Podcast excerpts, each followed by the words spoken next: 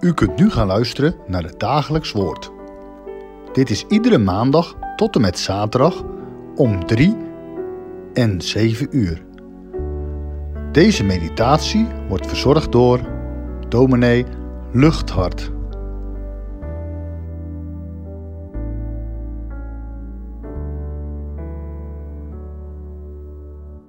Beste luisteraars, ook vandaag weer een hartelijke groet. We lezen vandaag Exodus 16, vers 15 tot en met 30. Toen de Israëlieten dat zagen, zeiden zij tegen elkaar: Wat is dat? Want ze wisten niet wat het was. Mozes zei tegen hen: Dit is het brood dat de Heere u te eten geeft. Dit is het woord dat de Heere geboden heeft. Ieder moet ervan verzamelen naar wat hij eten kan, een gomer per hoofd, naar het aantal van uw personen. Ieder moet het nemen voor hen die in zijn tent zijn. Zo deden de Israëlieten, zij verzamelden de een veel en de ander weinig. Ze maten het met de gomer, wie veel had verzameld had niets over en hem die weinig had verzameld ontbrak niets. Ieder had zoveel verzameld als hij eten kon. En Mozes zei tegen hen, niemand mag ervan overlaten tot de volgende morgen. Maar zij luisterden niet naar Mozes en sommige mannen lieten ervan over tot de volgende morgen. Toen zat het vol met wormen en stonk het. Daarom was Mozes erg kwaad op hen. Zo verzamelden ze het elke morgen, ieder naar wat hij eten kon, want zodra de zon heet werd, smolt het weg. Op de zesde dag gebeurde het dat ze een dubbele hoeveelheid brood verzamelden, twee gomers voor één persoon. Als de leiders van de gemeenschap kwamen, al de leiders van de gemeenschap kwamen dat aan Mozes vertellen. Hij zei toen tegen hen, dat is het wat de Heere gesproken heeft. Morgen is het een rustdag, de heilige Sabbat voor de Heere. Wat u bakken wilt, bak het en kook wat u koken wilt en laat alles wat er overblijft voor uzelf liggen om het tot de volgende morgen te bewaren. Ze lieten het staan tot de volgende morgen, zoals Mozes geboden had. En nu stonk het niet en waren er geen maden in. Toen zei Mozes, eet dit vandaag, want vandaag is het de Sabbat voor de Heere. U zult het vandaag buiten niet vinden. Zes dagen moet u het verzamelen, maar op de zevende dag is het Sabbat, dan zal het er niet zijn gebeurde echter op de zevende dag dat sommigen van het volk erop uitgingen om brood te verzamelen, maar zij vonden niets. Toen zei de Heer tegen Mozes, hoe lang weigert u nog mijn geboden en mijn wetten in acht te nemen? Zie, omdat de Heere u de Sabbat gegeven heeft, daarom geeft hij u op de zesde dag brood voor twee dagen. Ieder moet op zijn plaats blijven, niemand mag er op de zevende dag vanuit zijn verblijfplaats op uitgaan. Zo rustte het volk op de zevende dag. Tot zover. Genoeg voor elke dag. Op weg naar het beloofde land geeft God zijn volk elke dag weer manna, brood om te eten. Wat mij opvalt is dat hij dat brood niet alleen maar geeft om de honger van de Israëlieten te stillen, hij geeft dat brood, belangrijker misschien nog wel, om zijn volk te beproeven.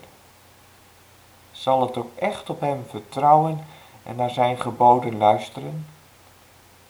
De Heere wil zijn volk met het manna leren om in afhankelijkheid van en in gehoorzaamheid aan hem te leven. Daarom die toch wat wonderlijke regel die hij geeft bij dat brood uit de hemel. De Israëlieten hoeven niet meer te verzamelen dan ze nodig hebben voor één dag. Want elke dag zal hij opnieuw brood geven. Alleen op de Sabbat zal het anders zijn. Zullen de Israëlieten hem vertrouwen op zijn woord en zich daar dan ook op durven verlaten? Dat is de grote vraag. Een vraag die helaas niet voor het volk met een positief antwoord beantwoord kan worden. Want er zijn er die toch maar liever het zekere voor het onzekere nemen. Beter nu alvast een voorraadje aangelegd voor morgen dan afwachten of God morgen ook weer zorgt. En God kan dan wel gezegd hebben dat er op de Sabbat geen manna zal zijn, maar waarom zou je toch niet even kijken? Vertrouwen en gehoorzaamheid.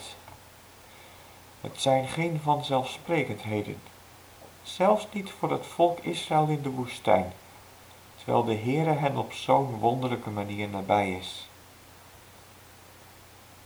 Is dat voor ons anders? Als onze heiland zegt, wees niet bezorgd over je leven, over wat je eten, wat je drinken zult. Kijk naar de vogels in de lucht, zij zaaien niet en maaien niet. De hemelse vader voedt ze.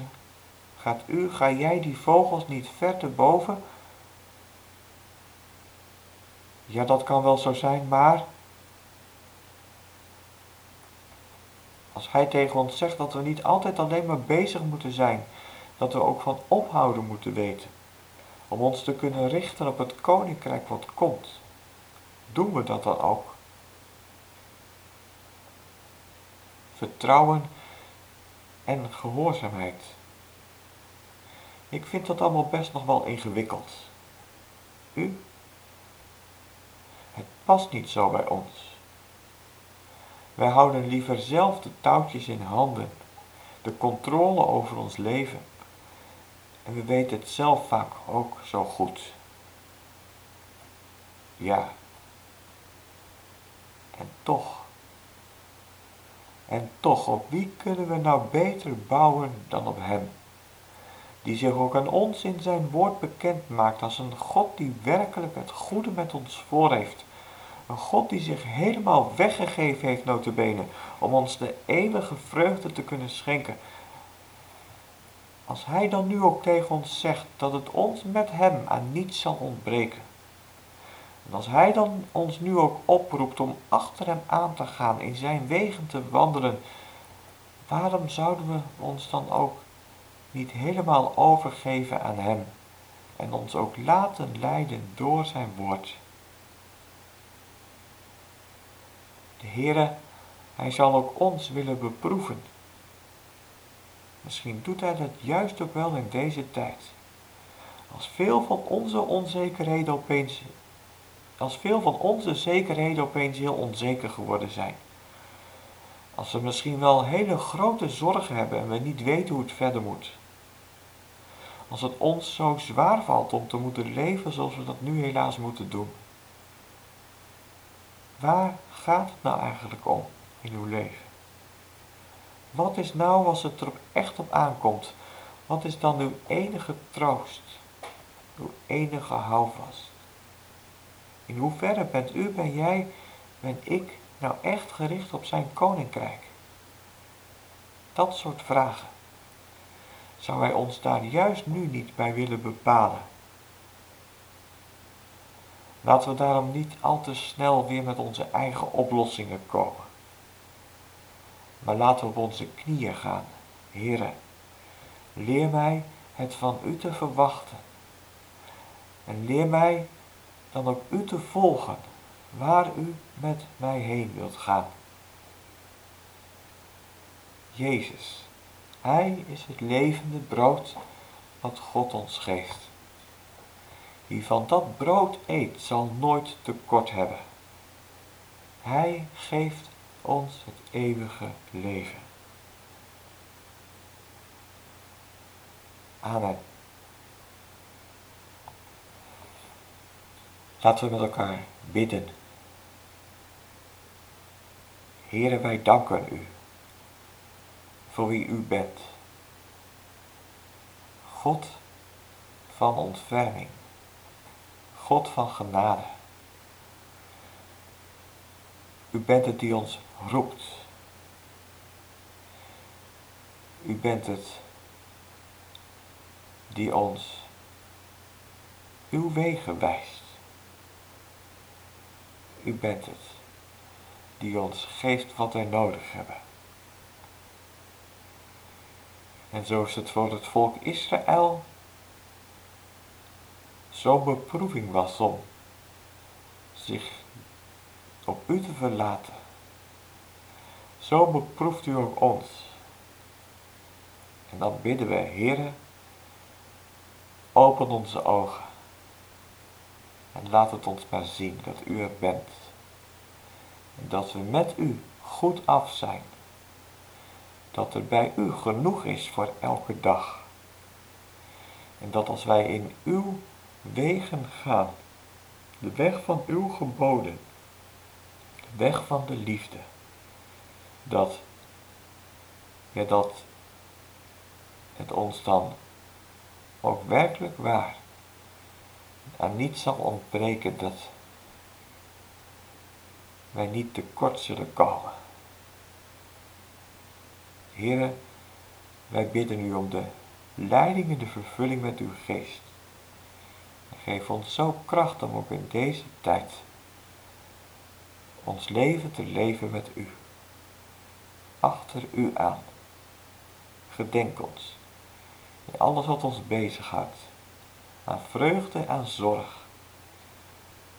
Aan gezondheid, aan ziekte. Aan voorspoed of tegenspoed. Here, ontfermt u zich en houdt ons heel dicht bij u.